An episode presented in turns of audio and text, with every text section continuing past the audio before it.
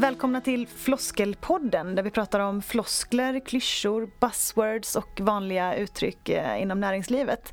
Vi som pratar är jag, Kristina Bexelius och min kollega Pia Lanneberg. Ja, hej. Hej. Och vi har också idag med oss vår favoritkonsult Henrietta Hurtig, affärschef och eh, konsult på eh, IT-konsultbolaget Adaptit. Välkommen! Tack så mycket! Idag ska vi prata om hållbarhet apropå ja. floskler. Mm, det är väl någonting som eh, Begreppet hållbarhet det syns ju verkligen överallt och har gjort de senaste åren. Ja, alla ska hålla på med det nu, mm. eller hur? Utveckling. Ja. Allt kan vara hållbart. Hållbar design, hållbart ledarskap, hållbar kommunikation har vi sett. Kan man säga hållbart om vad som helst? Det är frågan. Vad det säger du? Som är frågan. Ja, det verkar ju så, onekligen. Ja, ja onekligen. Vad betyder hållbar för dig? Inom eh, min bransch som konsult så pratar man mycket om, om det begreppet och eh, med lite olika innebörd men runt leveranser och eh, sättet man arbetar tillsammans med kund. Aha, ja, ska, just det. Mm. Det ska också vara hållbart såklart. Precis, man ska implementera kanske arbetsprocesser eller vägleda en kund åt en riktning som är hållbar. Um, nej men jag fattar inte riktigt, vadå? Förlåt men jag fattar inte riktigt. Eh, man ska hjälpa, när man använder uttrycket upplever jag, så pratar man till exempel om, om vi tar arbetsprocesser och man hjälper en eh, kund att göra kanske en organisationsförändring och hitta ett nytt sätt att arbeta. Så vill man gärna implementera ett sätt som är hållbart. Det är lite så man till exempel använder det uttrycket. Och då menar man eh, eller ja, vad ja. man menar är ju faktiskt väldigt olika beroende på vem som säger det.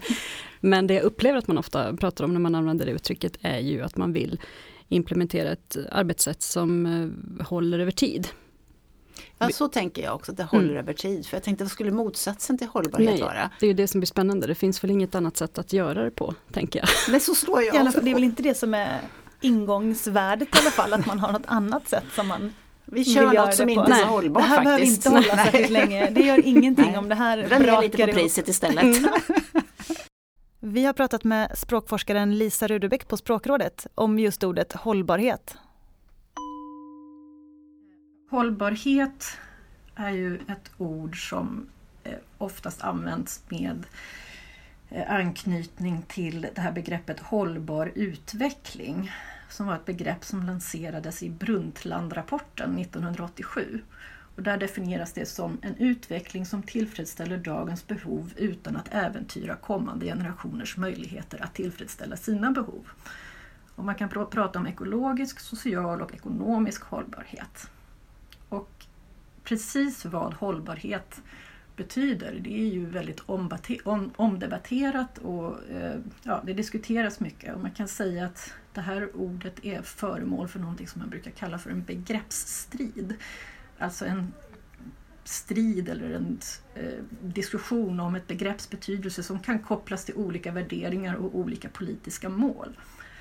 Och ofta innebär det här att man, det förs väldigt kvalificerade diskussioner om det här begreppets betydelse. Det handlar alltså inte om någon generell uttunning av begreppet som ju det kan vara fråga om för många andra modord. Det hindrar inte att ordet ändå kan vara ett modord i näringslivet och i vissa fall användas som en betydelselös floskel. Ja, det där är ju jättespännande. Mm, ja, verkligen. Det är inte bara vi som kämpar med det här begreppet alldeles uppenbart. Nej. För jag tänker för hållbar utveckling, alltså jag gillar det som du sa Henrietta också, håller över tid. Men jag tänker, när någon säger hållbarhet och hållbarhetsfrågor, då tänker jag ju på CSR-frågor. Mm. Alltså frågor som handlar om mänskliga rättigheter, som handlar om miljö, som handlar om etik och moral och sådana saker. Korruption och vad det nu kan vara för någonting. Mm. Men finns det något problem med att de här uttrycken kidnappas lite grann i affärsvärlden?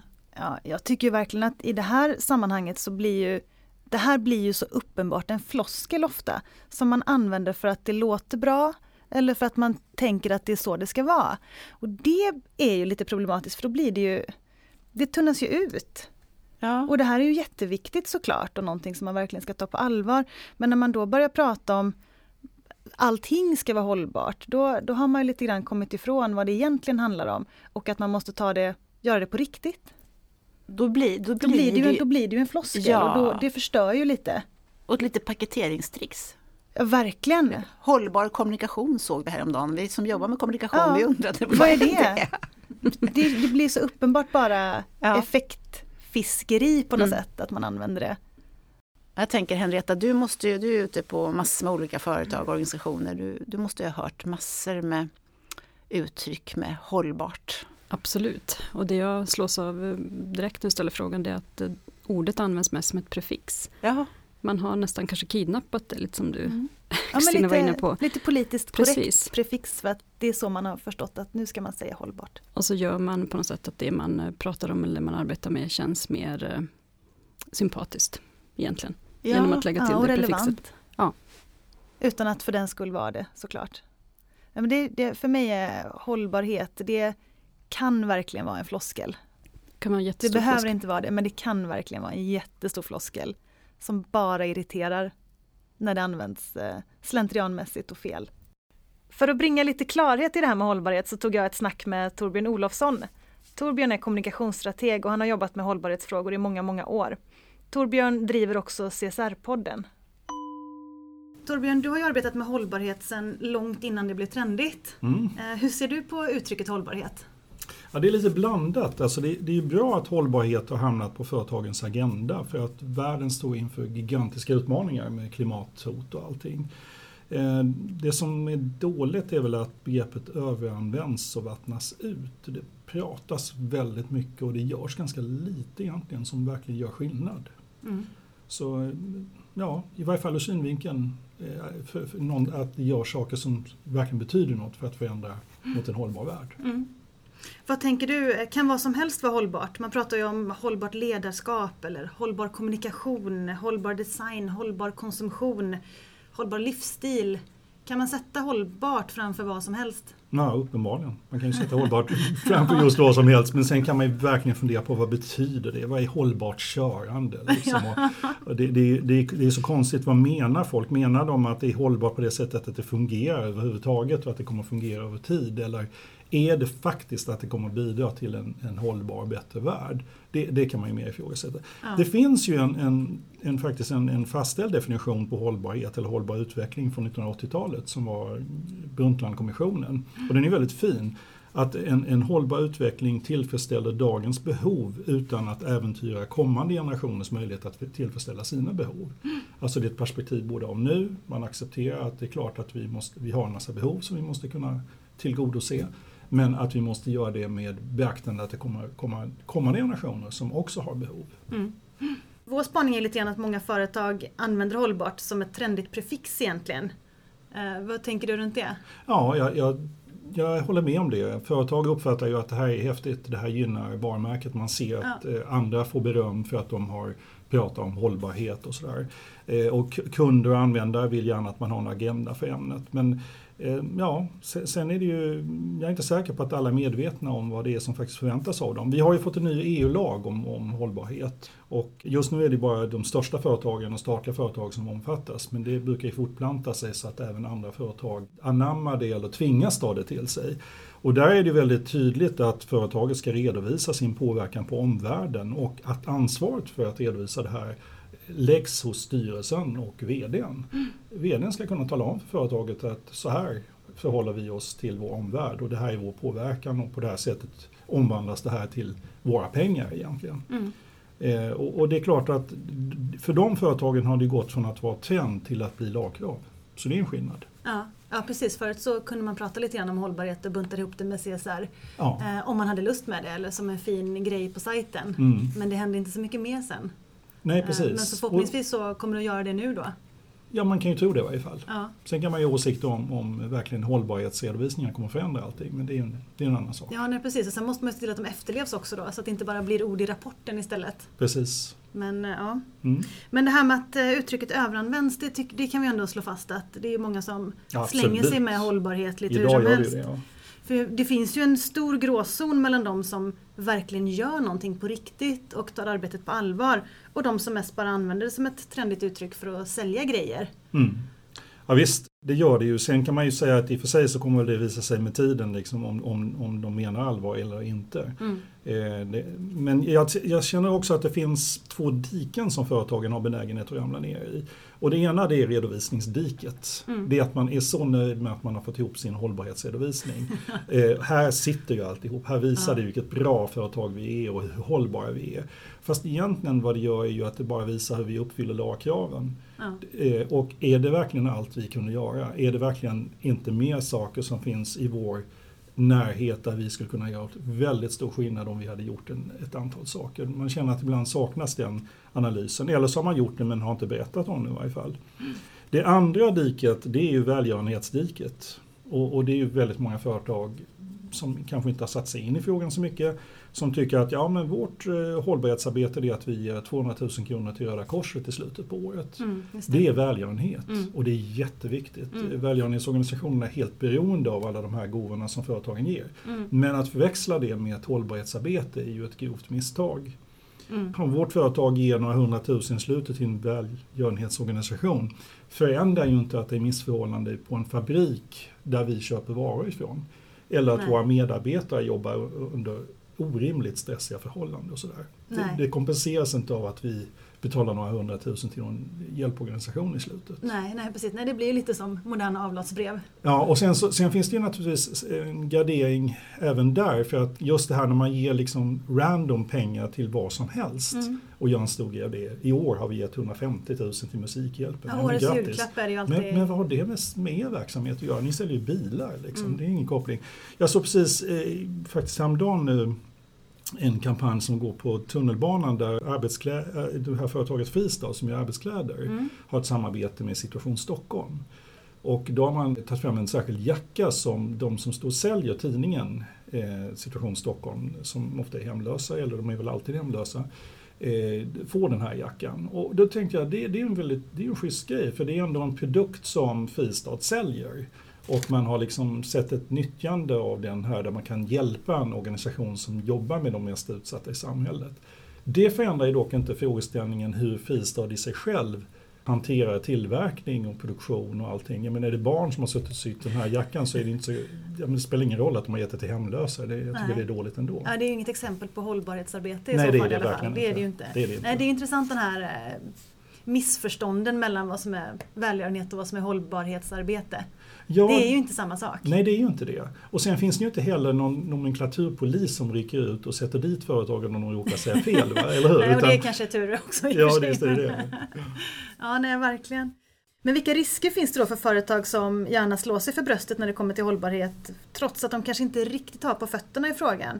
Är vi konsumenter känsligare för det idag? Ja, jag, jag tror vi är det. Risken är precis som du antyder i frågan, det är, det är ju relationen till kunderna och konsumenterna. Vi har jättehöga förväntningar på transparens idag. Vi Mm. förväntar oss att företagen ska berätta hur de tjänar sina pengar och vilka material de använder och är det här dunet gjort på rätt sätt eller har djuren lidit under tiden de har gjorts. Alltså det, det, det kommer hela tiden historier. Vi har organisationer som hjälper oss att bevaka de här sakerna och som ger ut listor på liksom att de här fiskarna ska vi inte äta och så vidare. Och det är klart ett företag som inte har koll på det här eller, eller medvetet låtsas att man har koll på det. De riskerar ju hela tiden att konsumenterna slår tillbaka, att man blandar in media och plötsligt så sitter man i TV och tvingas förklara hur det här gick till. Mm. Det här är en intervju från dig i februari, då sa du så här och nu ser vi ju att det ligger till på det här sättet, hur förklarar du det? I det så skadskjuts ju naturligtvis varumärket, kanske obotligt. En del företag har många års arbete att komma igen från en sån en, där man kan bevisa att de har medvetet lurat sina kunder. Mm. Ja, jag upplever också att transparens, alltså kraven på transparens ökar ju överallt i samhället. Mm. Och vi blir ju mycket känsligare när det kommer till hållbarhetsfrågor. Jag tror att det har ju verkligen kommit upp på agendan sen, på senare år. Att gemene man bryr sig mer. Absolut. Jag tror man, man bryr sig väldigt mycket som privatkonsument. Ja. Och man ser ju faktiskt att mitt val i affären kan göra skillnad om Ja. jag väljer ekoprodukter eller om jag inte väljer ekoprodukter. Sen kommer inte det göra att vi kommer att stanna på två graders eh, temperaturökning. Det krävs mycket större politiska eh, åtgärder för det. Men jag tror att alla känner att man på det sätt man kan vill vara med och bidra till en bättre och hållbarare värld. Mm. Eh, om man nu som företag vill använda uttrycket hållbart i sin kommunikation, vad tycker du att man ska tänka på då? Hur ska man göra det? Mm. Det finns ju flera olika sätt att närma sig frågan, eller åtminstone några olika sätt. Och, och den, en av de mest naturliga är väl kanske att man ställer sig samma fråga som lagstiftaren, det vill säga vilken påverkan har vår verksamhet på omvärlden? Eh, både från i närområdet och leverantörer långt bort med leverantörsuppföljning och så vidare. Har vi koll på vår påverkan och hur arbetar vi med den? Och från det arbetet så finns det ju jättemycket att kommunicera och berätta att så här jobbar vi med de här frågorna och det här är vad vi vill uppnå och så vidare. Ett, ett annat sätt är naturligtvis att man, man säger att Nej, men vi skulle vilja kom, kommunicera eh, omkring det här med hållbarhet. Vi vill ha det i vår kommunikation. Och då, då kan man ju ställa sig frågan, vad är det vi vill kommunicera då? Och sen så är en, en naturlig följd av det är, okej men vad behöver vara på plats för att vi ska kunna kommunicera på det sättet? Och tredje nivån är, vilka åtgärder behöver vi göra för att det ska lyckas uppnås? Så då får vi liksom en baklängeskedja. Men jag ser egentligen inget fel i att man vill kommunicera och att man kommunicerar ambitioner. Det tycker jag man ska få göra. Mm. Mm, absolut. Vad kan man som företag rent konkret göra då för att arbeta mer hållbart? Eh, jag, jag, tror alla företag kan arbeta mer hållbart. Och, och Gör man det rätt så utgår man ifrån sin, sin kärnverksamhet. Vad är det vi säljer? Vilka tjänster är det vi erbjuder? Och på vilket sätt eh, påverkar det vår värld på ett bra sätt? Och är det ett dåligt sätt så har vi en plan för hur, hur det ska bli bättre. Man behöver inte ha allt på plats för att man ska kunna kommunicera det. Jag, tycker det är helt okej okay att man kan säga att vi har ambitionen att inom fem år ska vi bli branschledande på det här området. Vi, vi ska bli det mest hållbara däckföretaget. Men då har man ju också stuckit ut hakan. Och ja. media och kunder kommer ha ögonen på en. Och efter fem år så kommer de stå där och undra hur var det nu? Var det mest hållbara i er bransch? Så man har ju samtidigt skapat en plan för sig själv som man måste jobba ganska hårt med för att uppnå. Man kan ju också räkna med att alla konkurrenter kommer inte lägga sig platt utan de kommer också börja jobba med det. Men jag som jobbar med kommunikation, jag kan ju tycka det här är en härlig utmaning. Får vi fler företag som kliver ut och vågar säga att vi, vår ambition är att nå det här målet och det tänker vi jobba för. Det är ju härligt att kunna kommunicera det. Du, ehm, är det något mer vi ska säga innan vi avslutar? Eh, ja, det är väl att om man vill lära sig mer om det här med hållbarhet och CSR, då kan man lyssna på CSR-podden. Ja, det kan man göra. Ja. Tack så mycket Torbjörn. Tack för att du tog dig tid. Tack. Ja, det var kloka ord och intressanta tankar från Torbjörn, eller hur? Mm, verkligen. Mm. verkligen. Mm. Och jag tänker att vi, vi låter hans klokskap avrunda det här, den här sändningen. Och det var jag, Pia Landeberg, och min kollega Kristina Bexelius som eh, pratar idag tillsammans med vår fantastiska gäst Henrietta Hurtig.